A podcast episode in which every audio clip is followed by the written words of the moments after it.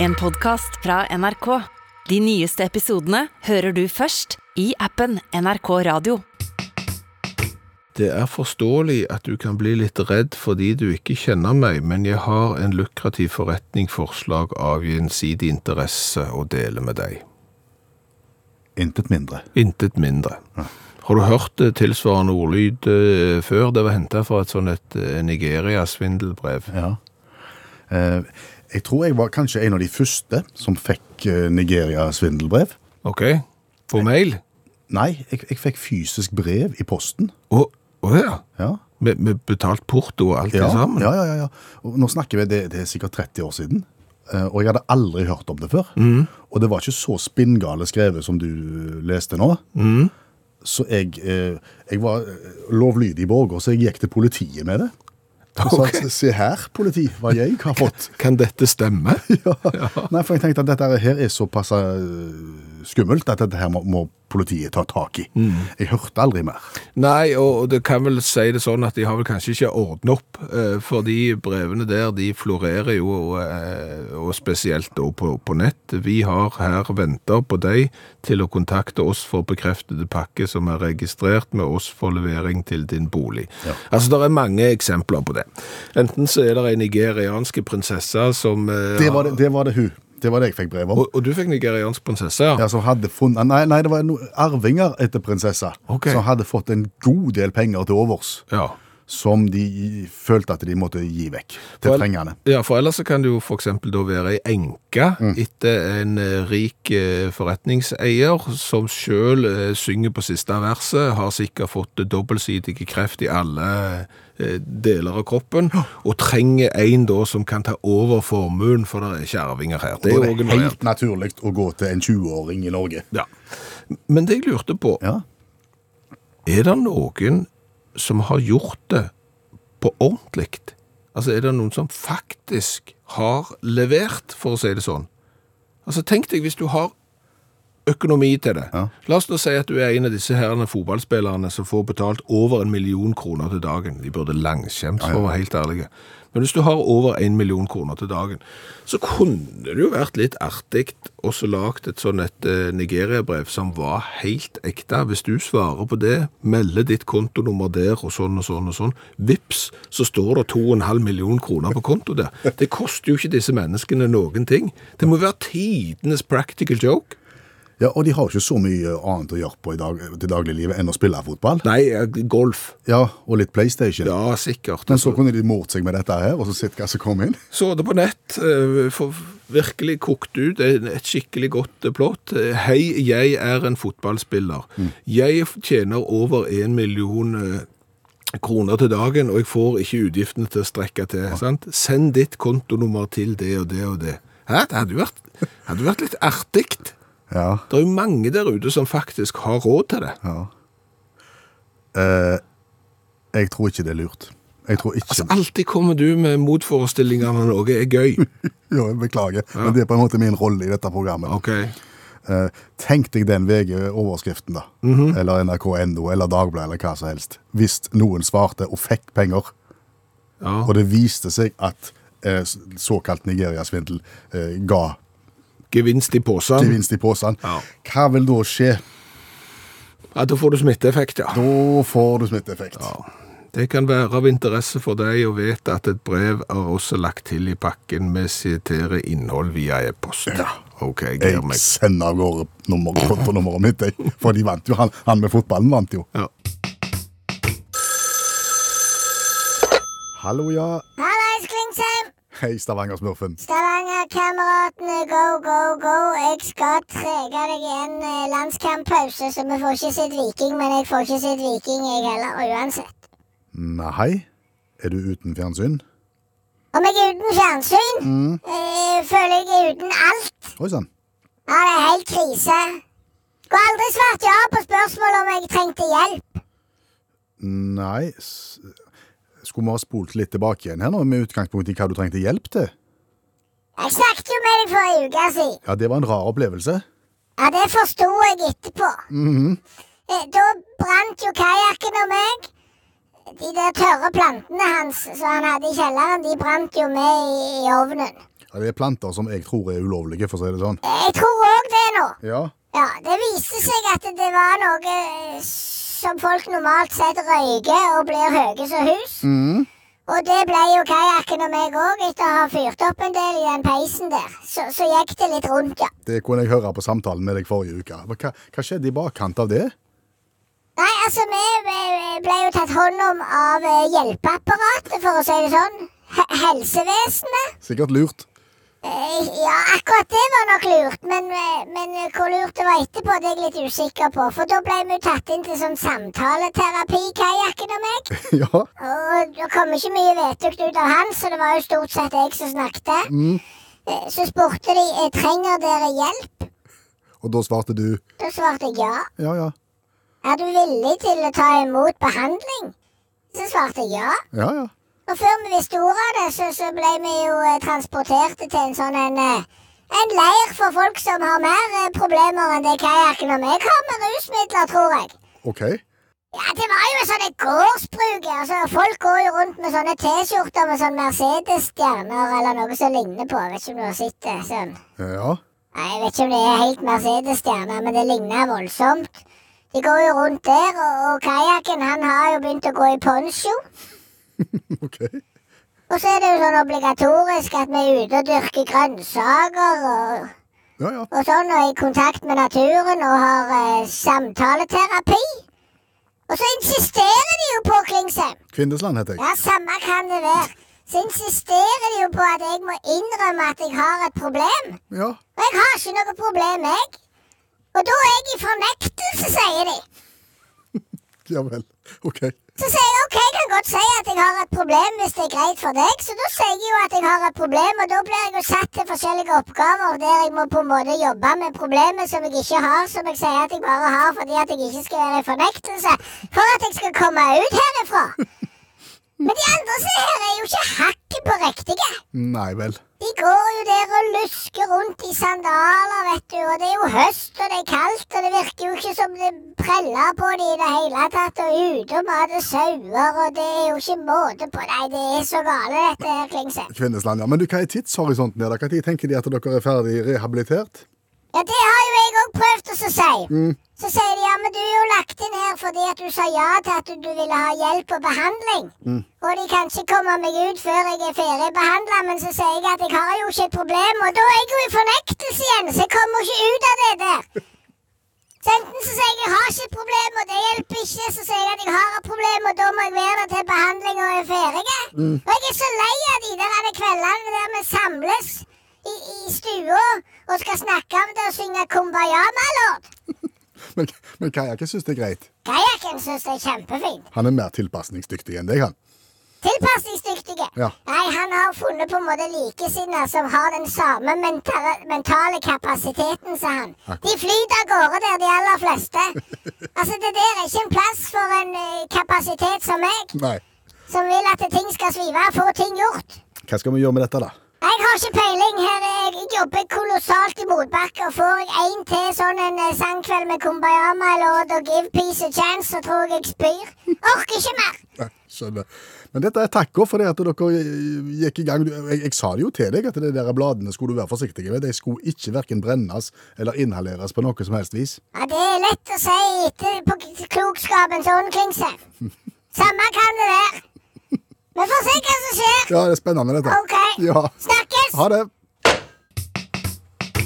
Noe som er løye, eh, gøy, morsomt, eh, det er en reklame jeg kom over her. En gammel reklamefilm. Jeg har ikke helt klart å, å finne ut nøyaktig hva tid den er fra, men bildene sier meg at den er fra 50-60-tallet. Ost, ja. Stadig bedre både i utvalg og kvalitet. Norsk ost har virkelig mye godt å by på. Gamalost, vår nasjonaldelikatesse. Den magreste av alle ostene. Noe å huske på når slankedietten skal settes opp. Riktig modnet gamalost er lekker og skarp i smaken. Delikat gyldenbrun i fargen og konsistensen myk og fin. En ost til, en glede mer. Lite reklame for gammalost nå om dagen. Ja, det var det jeg òg tenkte. Ja. Og, og, hørte du poenget liksom, med hvorfor du skulle spise gammelost?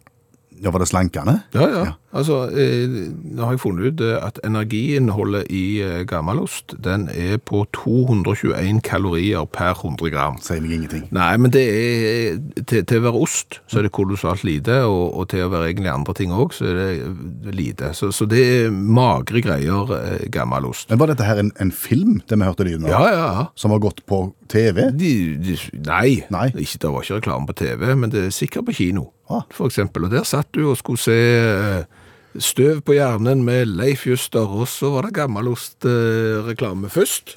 Eh, og den var jo da mynta på, på damer. Eh, I denne reklamen så er det bilder av damer rundt et bord som nyter sin gammelost, for den er så mager at det er jo eh, Slankekuren går som en lek? Ja, Ja. absolutt. Eh, Men har du smakt gammelost noen gang? Nei, Nei. det har jeg ikke. Jeg, jeg har smakt. Ja.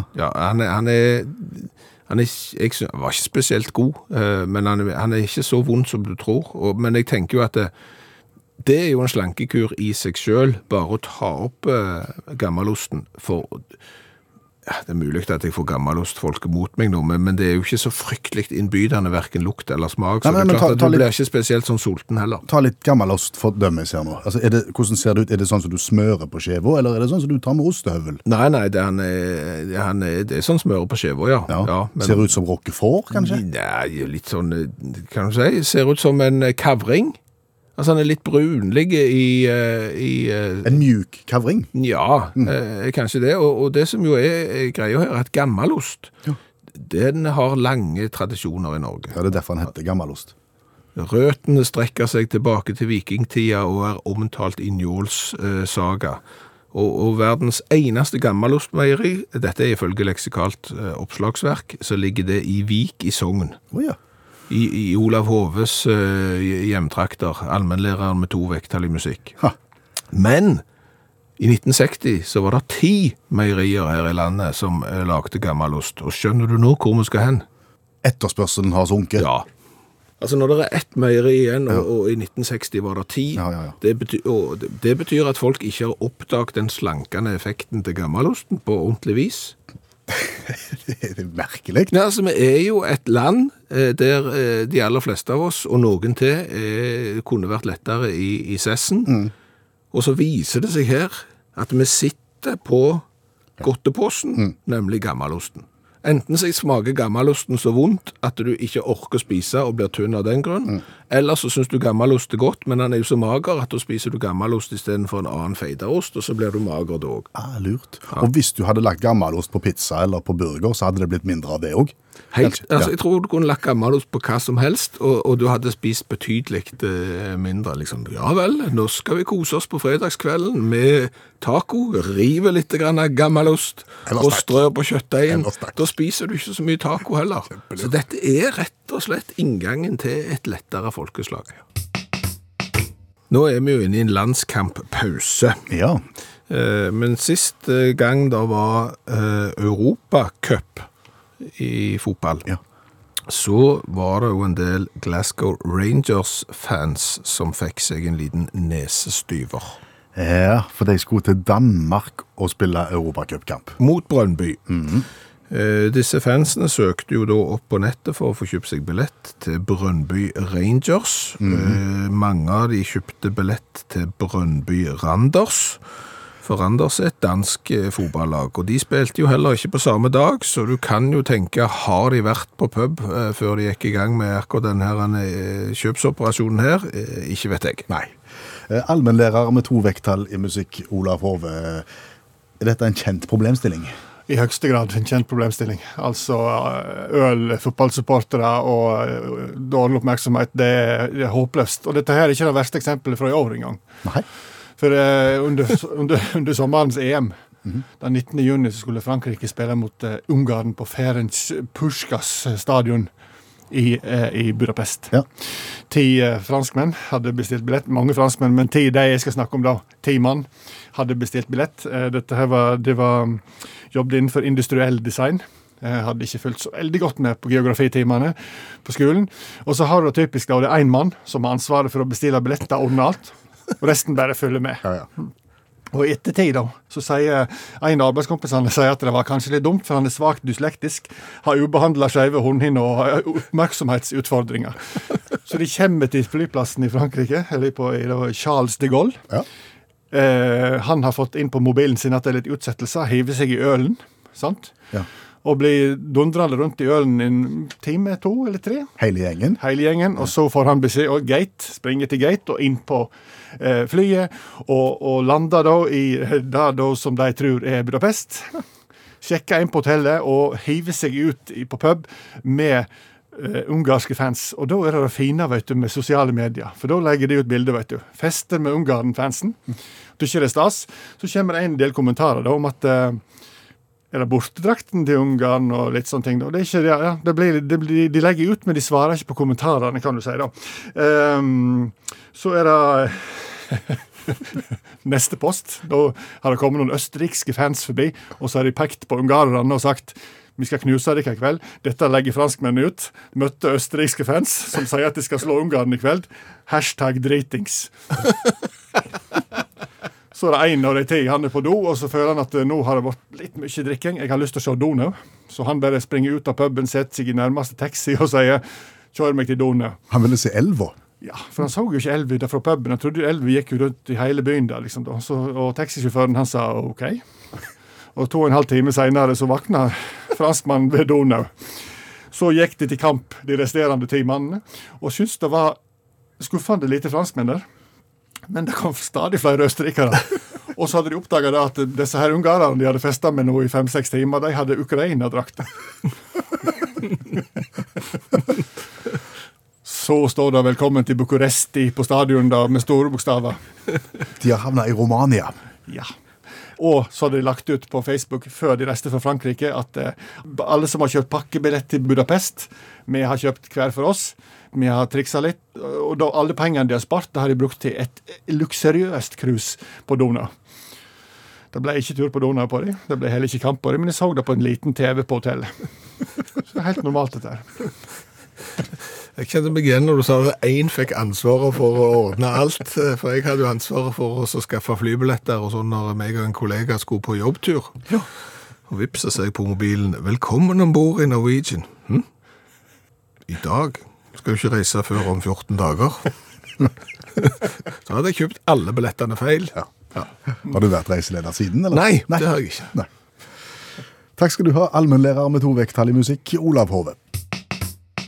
Hvis vi skrur klokka Det går ikke an å skru klokka ei uke tilbake. gjør det? Nei, det blir mye, det. Nei, Hvis vi skrur klokka litt tilbake, og kalenderen er ei uke tilbake, så er vi på forrige mandag. Ja. Eh, Og da spilte vi dette.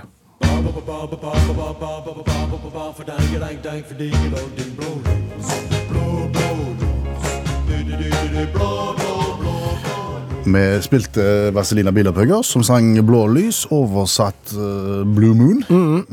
Og, og det vi snakket om, var jo hvem skal ta over arven etter Vazelina Bilopphøggers, eh, og for eksempel også Bjelleklang, som jo tok eh, gamle, kjente hits, oversatte de til norsk. Gjerne eh, med at ord ligner litt. Blå lys, Blue Moon. Ja, ja, I grenseland, men han går. Og så trakk de gjerne inn litt eh, hva skal du si, eh, lokalgeografi og lokale forhold i, i de norske versjonene. Riktig det, og, og i Blå lys eksempel, så får du jo en historie om noen som har vært ute på fest og basar, ja. og så blir stoppet av politiet og sånn, og, og mye av den kunnskapen som jeg har om Toten, er jo takket være Vaselina. Du hadde aldri hørt om Eina uten, uten Vaselina? Nei, ikke Lena heller. Nei. Og Lena er jo ikke bare et damenavn, det er jo et sted eh, på Toten, og, og Skreia, og, og om... Eh, Og det er ei rettside og ei feilside av Mjøsa. Ja, ja, det er masse der. Så, så heldigvis så kan vi litt om Toten takket være Vazelina Bilopphøggers. Ja. Men så etterlyste jo vi noen som kunne ta opp arven Ja, etter Vaselina. du sa det. Hvorfor kan ikke det være oss? Har ikke tenkt tanken. Nei, nei, nei, men, men jeg, jeg har tenkt tanken i, i, i uka, Oh, ja. og den har fått lov til å modnes litt som gammelost. Og den ble jo ikke god til slutt. Nei, det, kan, det ikke ødelegg nå, for da det, det tar du vekk hele motivasjonen hvis du fortsetter sånn. Men, men kan vi da også lage eksempel en norsk tekst på en ganske kjent internasjonal internasjonale melodi? En, en sang som er populær i våre dager, og som ikke er haugammel. Ja, han er ikke helt splitter ny, men han er langt ifra haugammel. Han er noen år eh, tilbake den jeg har valgt, da. Men så tenkte jeg òg det på det som Vazelina gjorde. Ja. Det gjorde jo at vi som ikke bor på Toten, fikk et forhold til Toten. Og hva hvis jeg kunne lage en tekst som kunne gjøre at de som ikke bor eksempel på Jæren, der som vi bor, får et forhold til ting på Jæren? Interessante tanke. Ja, ja. Altså, jeg, Hva melodi har du valgt? jeg, jeg har valgt en, en sang av Adele. Å, Ja. hva for en da? Den der When We Were Young. Oh. Ja. Så, så der har jeg lagt en tekst da, eh, litt i ånden til Vaselina, og det handler liksom om det å få seg noe mat. Altså å gå ut og så skaffe seg eh, fôr. Mm. På Jæren. På Jæren. Sk- skulle vi hørt på det da? Ja, ja, klart det. Ok.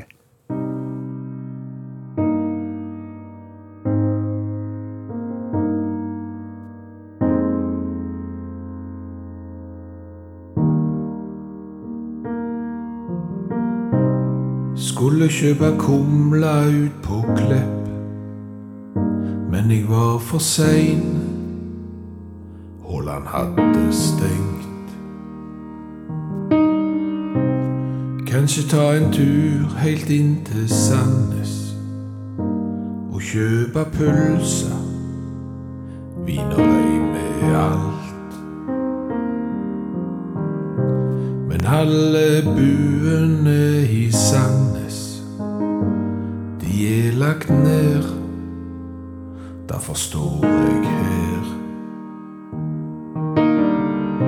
Skulle jeg dra til Bryne, kjøpe farsa, enkel farsa, i dobbelt brød. Jeg er jo så sulten. Skulle drylt inn litt mat Som brauten i Dortmund Serverer skåring på fat. Gi meg kumla, farsa, gjærost Eller til og med et horn med ost og skinka Strø på Piffi, kjør i mikroen ei stund. Dra til Sandnes, kjøpe pølser hos Nasigni jeg er jo så hole, for magen er tom.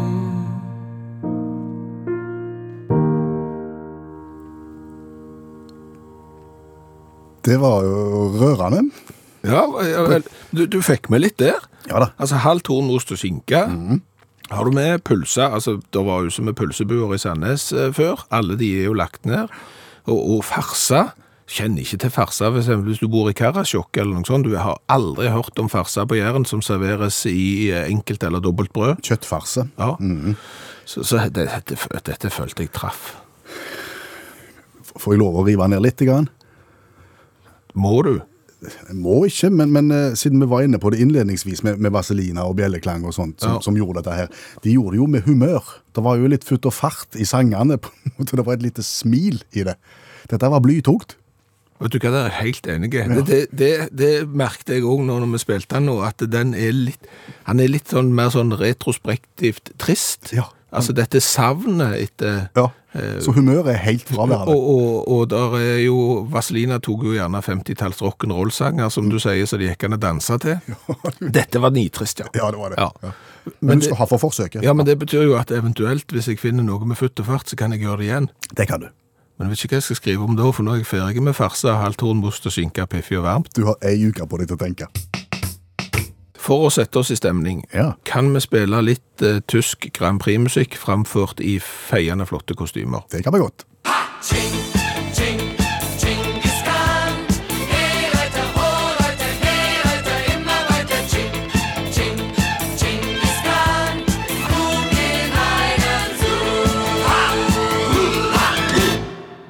er bare tyskere som kommer på å lage det.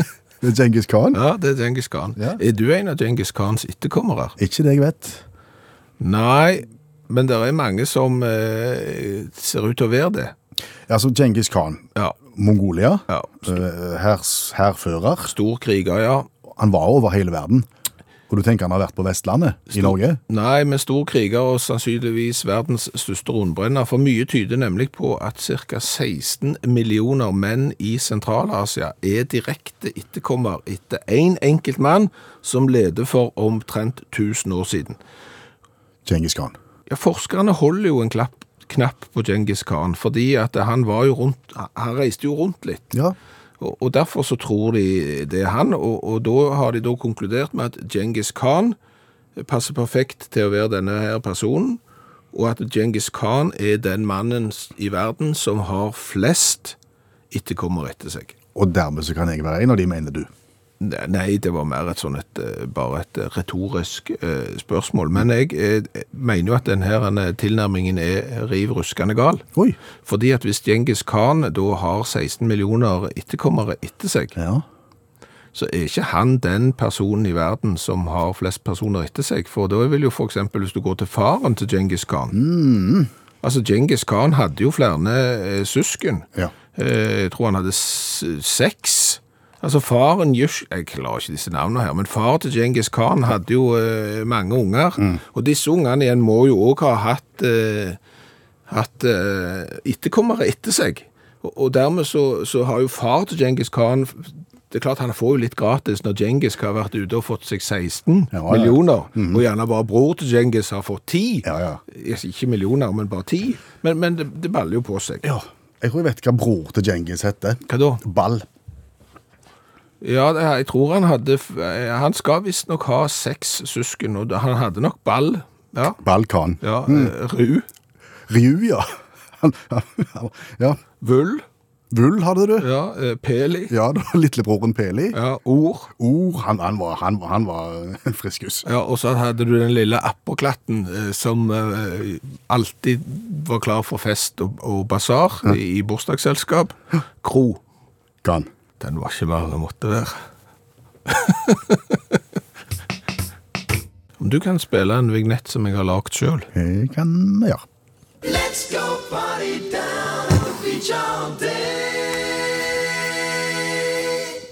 Ja.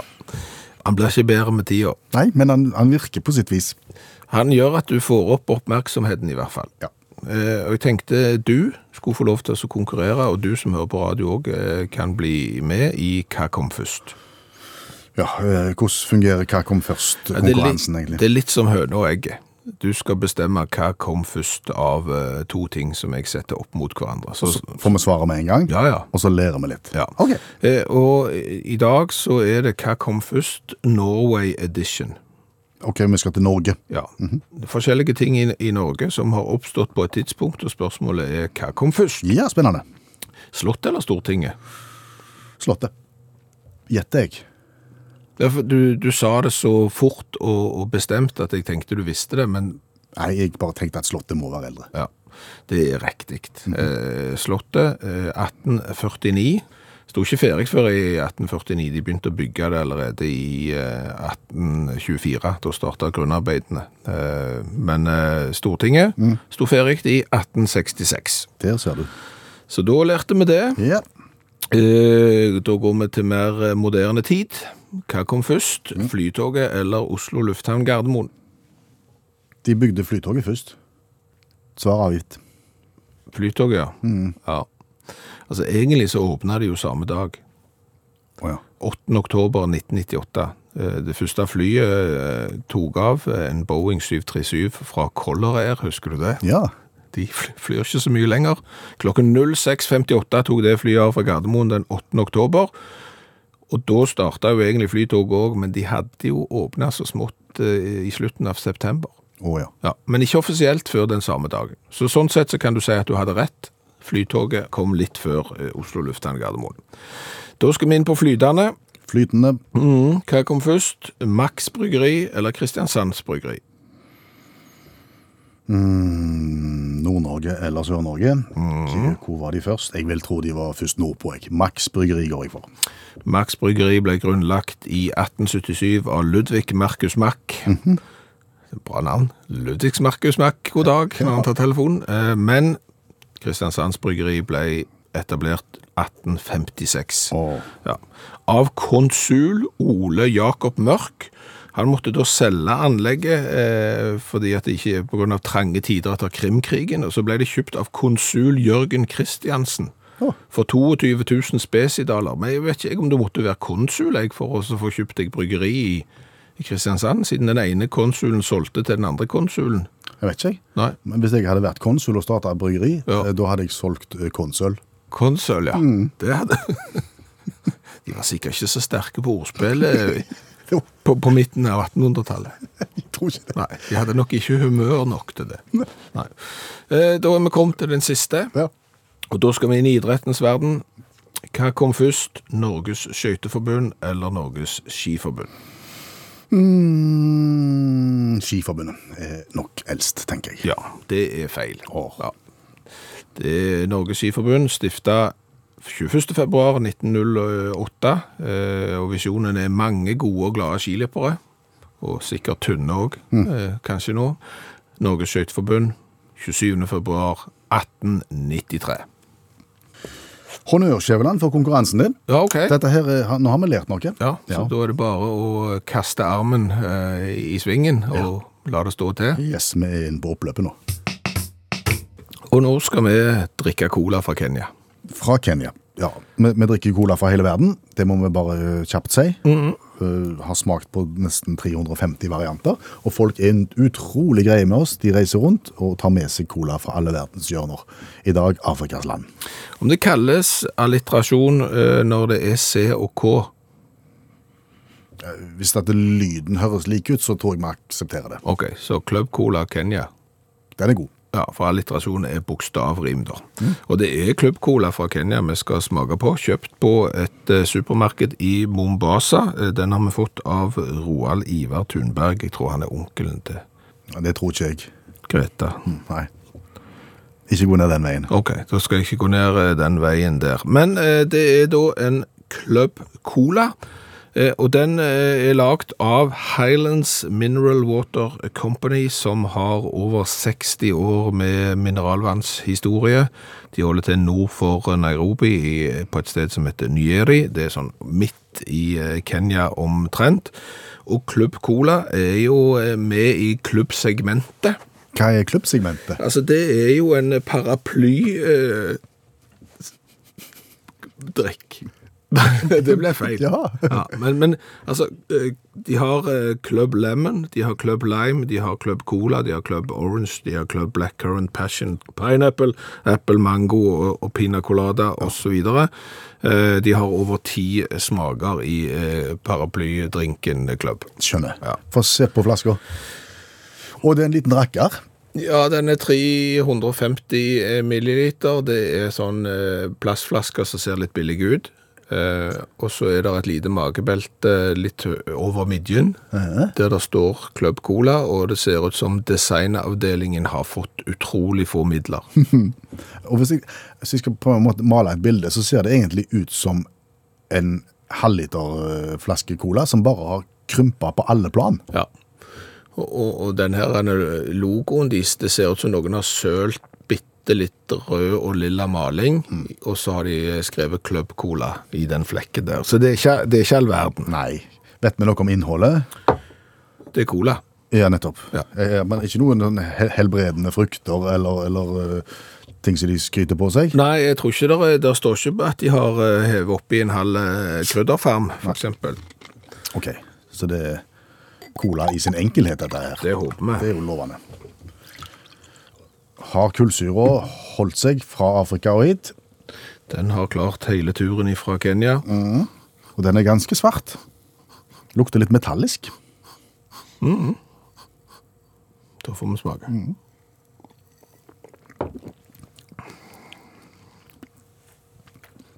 Det har vært betydelig verre ting enn dette. Ja, det var helt greit. Pøsekola. Og ikke vondt i det hele tatt. Nei, men eh, du er enig i det at det er pøsekola? Smaker Altså, den er ikke sånn i overkant søt, sånn at du blir uggen, eksempel, hvis du drikker for mye av den. Så, så sånn sett så er det bare å få det ned. Du kan drikke en del av den. Jeg tror jeg må si fem. Ja, jeg lurer på om jeg skal strekke meg til seks, Du faktisk. strekker deg til seks. I smak, seks av ti mulige poeng, fordi at vi har vært hvis du ser i forhold til alt det der vonde vi har smakt, Ja, det er klart det er en verden av vond smak der ute, det er jeg Ja. enig i. den får seks av meg. Mhm. Da har vi elleve totalt i smak. Hvor kult er dette? Ikke spesielt. Nei, hvis du ser på design og kork og, og alt det der her, mm, nei, nei, nei. Dessverre, vi må trekke ned der. Vi er faktisk nede i tre der, i, i, i design. Jeg går til to. Oi, du såpass. Ja. Hadde de lagt litt mer i designet her, så kunne de fått en anselig god sum. Ja, men altså, de, er liksom, de holder til da, eh, i nærheten av Aberdar Rainforest, skriver de selv. Og Highlands Mineral Water Company, de har jo altså, de har mineralvann i tillegg til alle disse klubbtinga sine. sine. Og det er klart, der, der er det ting å, å, å spille på. Altså glassflasker for eksempel, og litt tøft der også. Neida, minste motstands vei. Da ender vi opp på totalt er det 11 pluss 5. 11 pluss 5, ja, det er 16 det. Ja. Til Club Cola fra Kenya. Ja. Hvis du har lyst, så kan du se et bilde av eh, den lille rakkeren. Eh, gå inn på Facebook-gruppa til Utakt. Ja, det, han er ikke så fin at du går glipp av noe hvis du ikke kikker. Nei, men hvis du har lyst, så gjør du det. Du, om du husker når vi skrev bok Ja, I sannhetens navn så skrev vi vel ikke bok. Nei, men vi revolusjonerte måten bok ble skrevet på.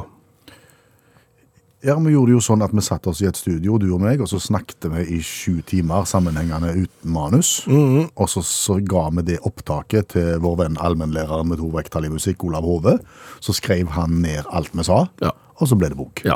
Den solgte utrolig dårlig. Ja, det, det gjorde han. Eh, og, og du kan si den måten å lage bok på, den har jo ikke spredd seg. Nei. Eh, og forlagsbransjen ble tidvis ganske sure når vi ringte til dem og, og Foreslo konseptet, ja. Ja, men, men fordelen var jo at uh, lydboka var jo klar med en gang, Ja, umiddelbart. og, og selve boka var klar ikke mye lenger etterpå der. Så, så vi revolusjonerte på en måte. Så, så det der tankesettet om å gjøre det på den måten der, Ja. uh, er jo for så vidt smart, men det har bare ikke fått spredt seg ennå. Nei, det er bare et tidsspørsmål. Ja, og, og da lurer du sikkert på eh, hva er det vi egentlig vil nå? Ja, for vi, vi skal ikke promotere egen bok. Nei, vi skal ikke det. Eh, eh, vi skal snakke film, ser du. Oh, ja. Fordi at når vi vokste opp, så var det en fast rekkefølge på ting. Altså, Nå vet ikke jeg hvordan de skrev manus og sånn, men det kom en film, Ja. og sannsynligvis, hvis det var en eh, actionfilm eller en eventyrfilm eller et eller annet sånt, så kom der et dataspill i halen av filmen. ja, som bar filmens navn, Ja. og som var bygd på det samme som filmen. Ja. Ja. Sånn at når vi så Ghostbusters, Ja. så gikk det ikke lang tid før Commodore 64-maskinen kunne spille dette. Ghostbusters!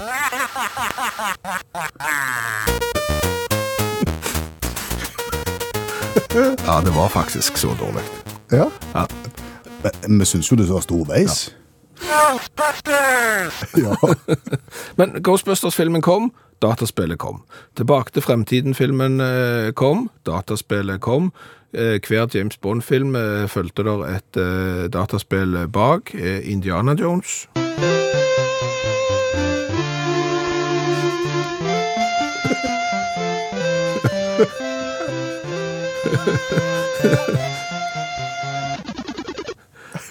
Ja, det har skjedd litt der. Eh, Batman, alle Disney-filmer videre. Film først, spill etterpå. Men så var det dette med rekkefølge. Ja, for nå så satt eh, sønnen min hjemme og så så film her om dagen. Og så, så, ja, hva film er det? Er Det er Doom. The Doom. Ja, men det spillet har jo jeg spilt. Så er jo det en film basert på et spill. Å. spille først. Spillet først, Ja. og så begynner jeg jo å søke opp da. Hvor mange ganger har dette skjedd? Og svaret på det er jo helt sykt mange ganger. Altså Mario Brothers og Double Dragon og Street Fighter og Mortal Kombat og Tomb Raider og Silent Hill og Hitman og Tekken og Need for Speed og Warcraft. Altså det er enormt mange filmer og TV-serier som er basert på spill. Og det var jo helt utenkelig når vi vokste opp, Nettopp. at det skulle gå den veien. Og nå går det flere den veien enn motsatt. Akkurat. Så det betyr At folk må bare få lov til å venne seg til ting. Ja. eh, tilbake til boka. Måten å lage bok på. Ja. vi, er, vi er pionerer, Ja. som bare eh, ikke er oppdaget ennå. Ikke, ikke tvil I første time av Utakt i dag så hørte vi om de franske fotballfansene som under EM i fotball eh, var i Budapest, trodde de. Eh, de var i Bucurest, eh, og der spilte ikke Frankrike fotball. Er ikke det samme, det? Det er ikke det. Nei. Fort gjort å gå på sånne smeller. Og eh, allmennlærer med to vekttall i musikk, Olav Hove, du har flere historier. Ja visst, vi skal til lørdag 29. august 2015, og vi skal til Reis Stensen, heter mannen. Han er frilans eh, Frilans eh, regnskapsmedarbeider. Har hatt en Frilansregnskap. Ja, har hatt en god måned. Ja. og, og de som ikke har hatt en god måned, det er favorittlaget Nottingham Forest. Så han bestemmer seg for at på bortekampen mot Cardiff så skal han gjøre litt ekstra eh, innsats for dem. Han eh, får tak i fire kompiser som skal være med. Overhodet ikke interessert i fotball, noen av dem, men de kan jo bli med, for her har han gitt dem muligheten til her skal det bli fest i Cardiff. Han skal lage en sånn banner, har han bestemt seg for. Heia Nottingham Forest. Ja, slags da. Det skal gi en oppmuntring, iallfall. Det skal ikke være småtteri. Han, skal, han har hatt en god måned, som sagt. Og skal liksom smelle til. Jeg har ikke greie på banner sånn generelt, men han kjenner folk i sceneteppebransjen og har fått bestilt et 89 kvadratmeters teppe derifra. Det han burde tenkt på, var at disse her bandene er ganske tynne, men når du får sceneteppe på 89 kvadrat, så blir det nokså omfangsrikt. Men han får iallfall trykt på det han skal, og Nesten 90 kvadrat. ja. Ja. Med sceneteppet. Jeg hadde hatt en god måned, men da begynte jo å knipe litt på det her. da. Skjønner fort at dette får ikke om bord i toget, for dette blir for stort. Så han må ha tilhenger. Han må ha en ganske stor tilhenger på bilen sin. Han må òg ha tilhengerfeste. Så det begynner å bli dyrt. Men han skal gi Nottingham Forest en oppmuntring. De reiser på bortekamp, kommer seg ikke noe folk. Her har vi et, et 89 kvadratmeter svært teppe. Deilig. Så han tar med seg disse her fullstendig uinteresserte i fotballkompisene sine. Kjører opp til Cardiff fredagskvelden, går på pub. Ja, da er vi i Wales, er vi ikke det? Da er vi i Wales, vet du. Rett og slett i utlandet. var en av kompisene ikke hadde i utlandet før, så han syntes det var ekstra stas. Um, ja, så syns jo eh, Legger de ut litt sånn sure greier på eh, Twitter, han her Stensen, da på kvelden der, at han syns det er dårlig med oppmøte fra Nottingham, men det er greit nok. Men så eh, kommer morgenen etterpå, litt bakfulle, ikke helt i form, men eh, nå skal de på kamp. Eh, Oppdaga fort at det finnes ikke store nok taxier til sceneteppet hans um, i Cardiff. Så han må rett og slett eh, han må rett og slett leie en egen taxi til sceneteppet. Og så gutta er- er på stadion to og en halv time før kamp. Lite folk. Så han finner ut at vi bare bretter ut dette her teppet. 89 kvadratmeters banner ligger utenfor stadion i Cardiff. Og så går du inn på eh, Twitter og så sier du 'hallo'. Sjekk banneret, vi trenger hjelp fra fans. Møte opp før kamp, bla, bla, bla. bla, bla. Så skal vi gjøre det. Så kommer det inn noen meldinger til eh, den stakkars Race, da. Du er klar over at det er heimekamp, sant?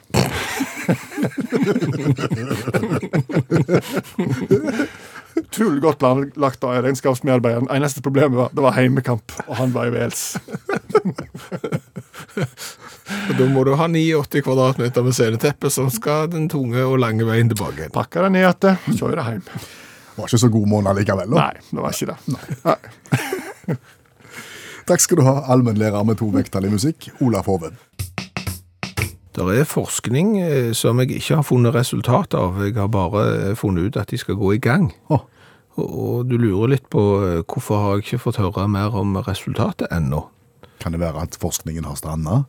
Litt usikker, for, fordi at en litt eldre artikkel som jeg fant, fortalte at eh, 2000 sveitsiske underbukser skal offres på vitenskapens alter og graves ned. Altså, undertøyet til Sveits, ja. Ja, un underbukser. ja mannlige eller kvinnelige? Ja, det er for så vidt eh, revnende likegyldig. Altså, frivillige får eh, tilsendt to bomullsunderbukser som skal graves ned. Ja. Men du skal brukes først, håper jeg? Nei, nei, nei, de skal graves ned. Fordi For å sjekke hvor raskt de brytes ned av mikroorganismer i jordsmonnet. Altså, det er jo da eh, Marcel van der Heiden, han høres jo ikke ut som en sveitser, eh, som leder prosjektet. Og det de da skal finne ut, er jo liksom, er jordsmonnet godt eller dårlig? Og det er da de skal grave ned eh, underbukser og teposer.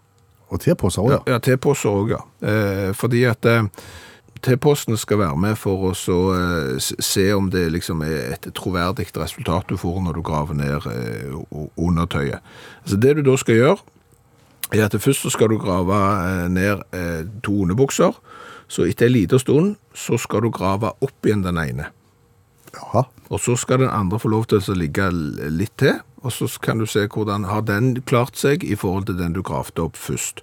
Og det handler om å nedbryte disse bomullsfibrene. Jo flere hull du får i underbuksa di, jo sunnere er jordsmonnet. Men hvor kommer T-posen inn i bildet? Ja, for den eh, virker litt på den samme måten, men da har du en, da har du en kontrollenhet, altså underbuksa og, og, og T-pose. Og det er viktig at de graver ned de samme underbuksene. Ja, det skjønner jeg jo. Fordi at i Canada har de visstnok gjort det, det samme, eh, men da gravde folk ned sitt eget undertøy.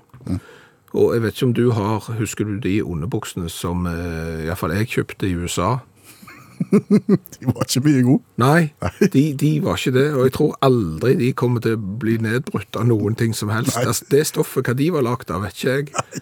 For jeg spurte, eh, ja, jeg skal ha den størrelsen der, og nei, det var unisex, og, og unisize. Og om du var en amerikaner på 250 kilo bare i ansiktet, eller eh, en passe stor nordmann, så kunne du bruke samme underbukser, for det her stoffet var helt unikt. Altså, De sto sjøl, de underbuksene dine, de var nyvaskede. Ja, ja. Så, så, eh, så det er klart, når da canadierne begynte å be folk grave ned undertøyet sitt, og det var så stort mangfold i, eh, i undertøysmaterialet, så funka jo ikke det. Så derfor har sveitserne gått for bomullsunderbukser, som de sender da til de som er interessert i dette. men vi vet ennå ikke svaret på Nei, det er derfor jeg syns det er litt oppsiktsvekkende at nyheten om dette prosjektet kommer jo ut, Ja. og så er det stilt. Men det skulle jo ligge en del år, kanskje? Nei, det skulle bare ligge noen uh, måneder, så eh, det skulle ikke all, all verdens tid til for å utføre dette underbukseeksperimentet. Men uh, det er mulig at det Det er mulig med at det har gått oss hus forbi at det har blitt presentert en, en rapport her. Ja. Vi vet aldri. Nei, nei, du er jo eh, ansvarlig for gravejournalistikken òg i dette programmet, så dette er det mulig du må følge opp uh, dette. Ja. Folk strekker seg jo langt uh, for å få seg kjæreste. Ja, hvordan tenker du da? Nei, du gjør jo mye. Du skaper og mye. Nei. Mye? Nei, det er et uttrykk jeg har i hodet, så jeg ikke klarer å sette sammen. Jeg tror bare jeg får la det ligge. Ja. men, nei, men sant, hvis du skal ut på, på byen eksempel og prøve å skaffe deg en partner, så, så pynter du deg jo. Ja, ja, klart det. Ja. Sminke deg, eller kjøpe ny dress, eller ja, ta på rene sokker, noen dusjer til og med, og, altså folk gjør jo litt. Eh, og så er det jo sånn at folk begynner jo med ting òg, for å skaffe seg eh, kjærest. Begynner med bueskyting eller eh, andre ting for å komme inn i et miljø der det potensielt er folk å treffe, Det ble feil. Folk å treffe. Folk å treffe, ja. Nei, det ble, det ble feil. Men altså, det, det gjør jo folk. Ja. Eh, og så er jo da spørsmålet, hva er det lurest å gjøre for å ha potensielt flest mulig du kan komme sammen med? Har du satt deg inn i det? Ja, jeg tror det kan være lurt å lære seg kinesisk. Ja, Er det et sjekketriks? Ja, men altså la oss nå anta det, at de aller fleste i, i Norge kan engelsk. Sånn måtelikt. Trenger ikke være god, men du klarer å gjøre deg forstått på engelsk. Yes, sorry. Det er 1,3 milliarder mennesker som snakker engelsk. Si. Nei, yes. Yes. Så, så du ser jo det at det, det, det å kunne engelsk vil jo være lurt, for da er det jo langt flere du kan treffe. Ja, skjønner. Ja. Ja. nå skjønner jeg hvor du vil med kinesisk. Ja. For det er, ingen der er flere av enn eh, kinesere i verden. Ja, men altså 1,3 milliarder snakker engelsk, 1,2 milliarder snakker kinesisk. Eh, og det er klart at noen kinesere kan sikkert òg engelsk, men hiv på en milliard til, da er du oppe i 2,3 milliarder mennesker som du potensielt kan kommunisere med, og eventuelt eh, få som eh, kjærest. Og det er ganske mye, altså bare med å lære seg et språk, så øker du da eh, nedslagsfeltet betraktelig. Ja. Nå rekker jeg opp hånda. Eh, Hva da for? Fordi at hvis du tenker at du skal ut på det norske markedet, Ja, så hjelper det ikke at det er 1,2 milliarder mennesker i verden som snakker kinesisk. klart det. Du møter ikke nødvendigvis på deg i Norge. Det er, det er et fåtall som bor i Norge som behersker kinesisk. Det er kolossalt mange som behersker kinesisk som kommer til Norge. Altså, Asiatiske turister er jo noe Og du skal du slå til med- Ja, men jeg sier jeg, jeg vet jo ikke hva Altså, dette vet jo ikke jeg. Altså, Det er mange plasser du kan treffe folk. Altså, Du trenger jo ikke dra til USA for å snakke engelsk, f.eks. Så, så det kan godt hende at du kan få bruk for Du altså, drar til Preikestolen forresten, for eksempel en dag i juli, Ja. og så sier du Så ser, du etter, så ser du etter turister som går på høyhælte sko, f.eks., og så kan du gå bort og så snakke til dem på kinesisk. Du kan gå i Vigelandsparken og si å, ja, med skinnataggen og sånn, og vips, så har du fått deg kjæreste. Det var kjekke tips ved Bjørn Olav Skjæveland. Lær deg kinesisk. Og da har vi kommet fram til det punktet i programmet hvor vi må spørre hverandre hva har vi lært i kveld? Ja, Vi har lært ganske mye i dag òg. Jeg har jo lært det at gammelosten er en ganske mager ost. Slankende. Ja, eh, og at eh, på 60-tallet så fantes det ti meierier her i landet som lagde gammelost. Nå er det visstnok bare ett igjen. Så gammelosten står nok ikke så sterkt som man gjorde før. Nei. Og strekker seg tilbake til vikingtid, eh, faktisk. Eh, Så har vi lært at det er ikke bare å ta opp arven etter Vazelina Bilopphøggers. Nei, på ingen måte, både hverken eh, tekstmessig eller eh, musikalsk. Altså, De hadde jo stor suksess Ja. med å oversette kjente, friske rockelåter Mm. til totensk. Ja. Jeg prøvde meg jo i dag med å oversette og lage en ny tekst. Eh, sangen var vel kanskje ikke så fengende, så det får jeg jobbe litt eh, med. Så har jeg lært at Genghis Khan er kanskje historiens største rundbrenner. Det er iallfall det forskere mener. Eh, 16 millioner menn i Sentral-Asia er direkte etterkommere etter én enkelt mann som levde omtrent for 1000 år siden. Og forskerne holder da en knapp på at dette er Genghis Khan, for han eh, reiste jo en del rundt og, og herja i Asia på 1100- og 1200-tallet.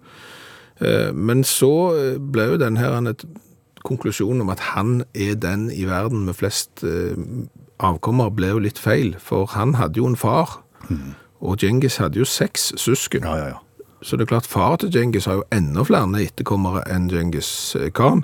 Og så tuller det jo med litt med at disse seks søskene til Genghis sikkert het Ball, Khan, Vul, Khan, Peli, Khan og Kro Khan osv. videre. Faren heter Kåre. Hvor Kåre Kan, det er bra navn. Eh, Så har jo du lært eh, at eh, Slottet kom før eh, Stortinget, og at eh, Norges skøyteforbund er betydelig eh, eldre enn eh, Norges skiforbund. Det har du lært, det kan være nyttig. Eh, Så har vi lært det at eh, cola er fra Kenya. Smaker godt, men eh, ikke spesielt sprekt i layouten. Nei. Så har vi òg lært det at måten å lage film og dataspill på har blitt eh, endra gjennom årene. Først, eh, når vi vokste opp, så var det sånn filmen kom først, dataspillet kom etterpå. Nå kommer dataspillet, og nå kommer gjerne en film basert på et dataspill. Ja. Vanligere og vanligere. Og så har vi lært at noen graver ned underbukser i forskningens navn. Vi vet ikke helt hvordan det har gått med de, men eh, de har iallfall begynt i Sveits. Jeg tenker dette var lærerikt, og jeg tenker at det er på tide å gi seg. Bjørn Olav Skjæveland heter jeg. Per Øystein Kvindesland her, og det er vi som lager Utakt.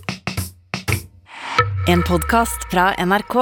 De nyeste episodene hører du først i appen NRK Radio.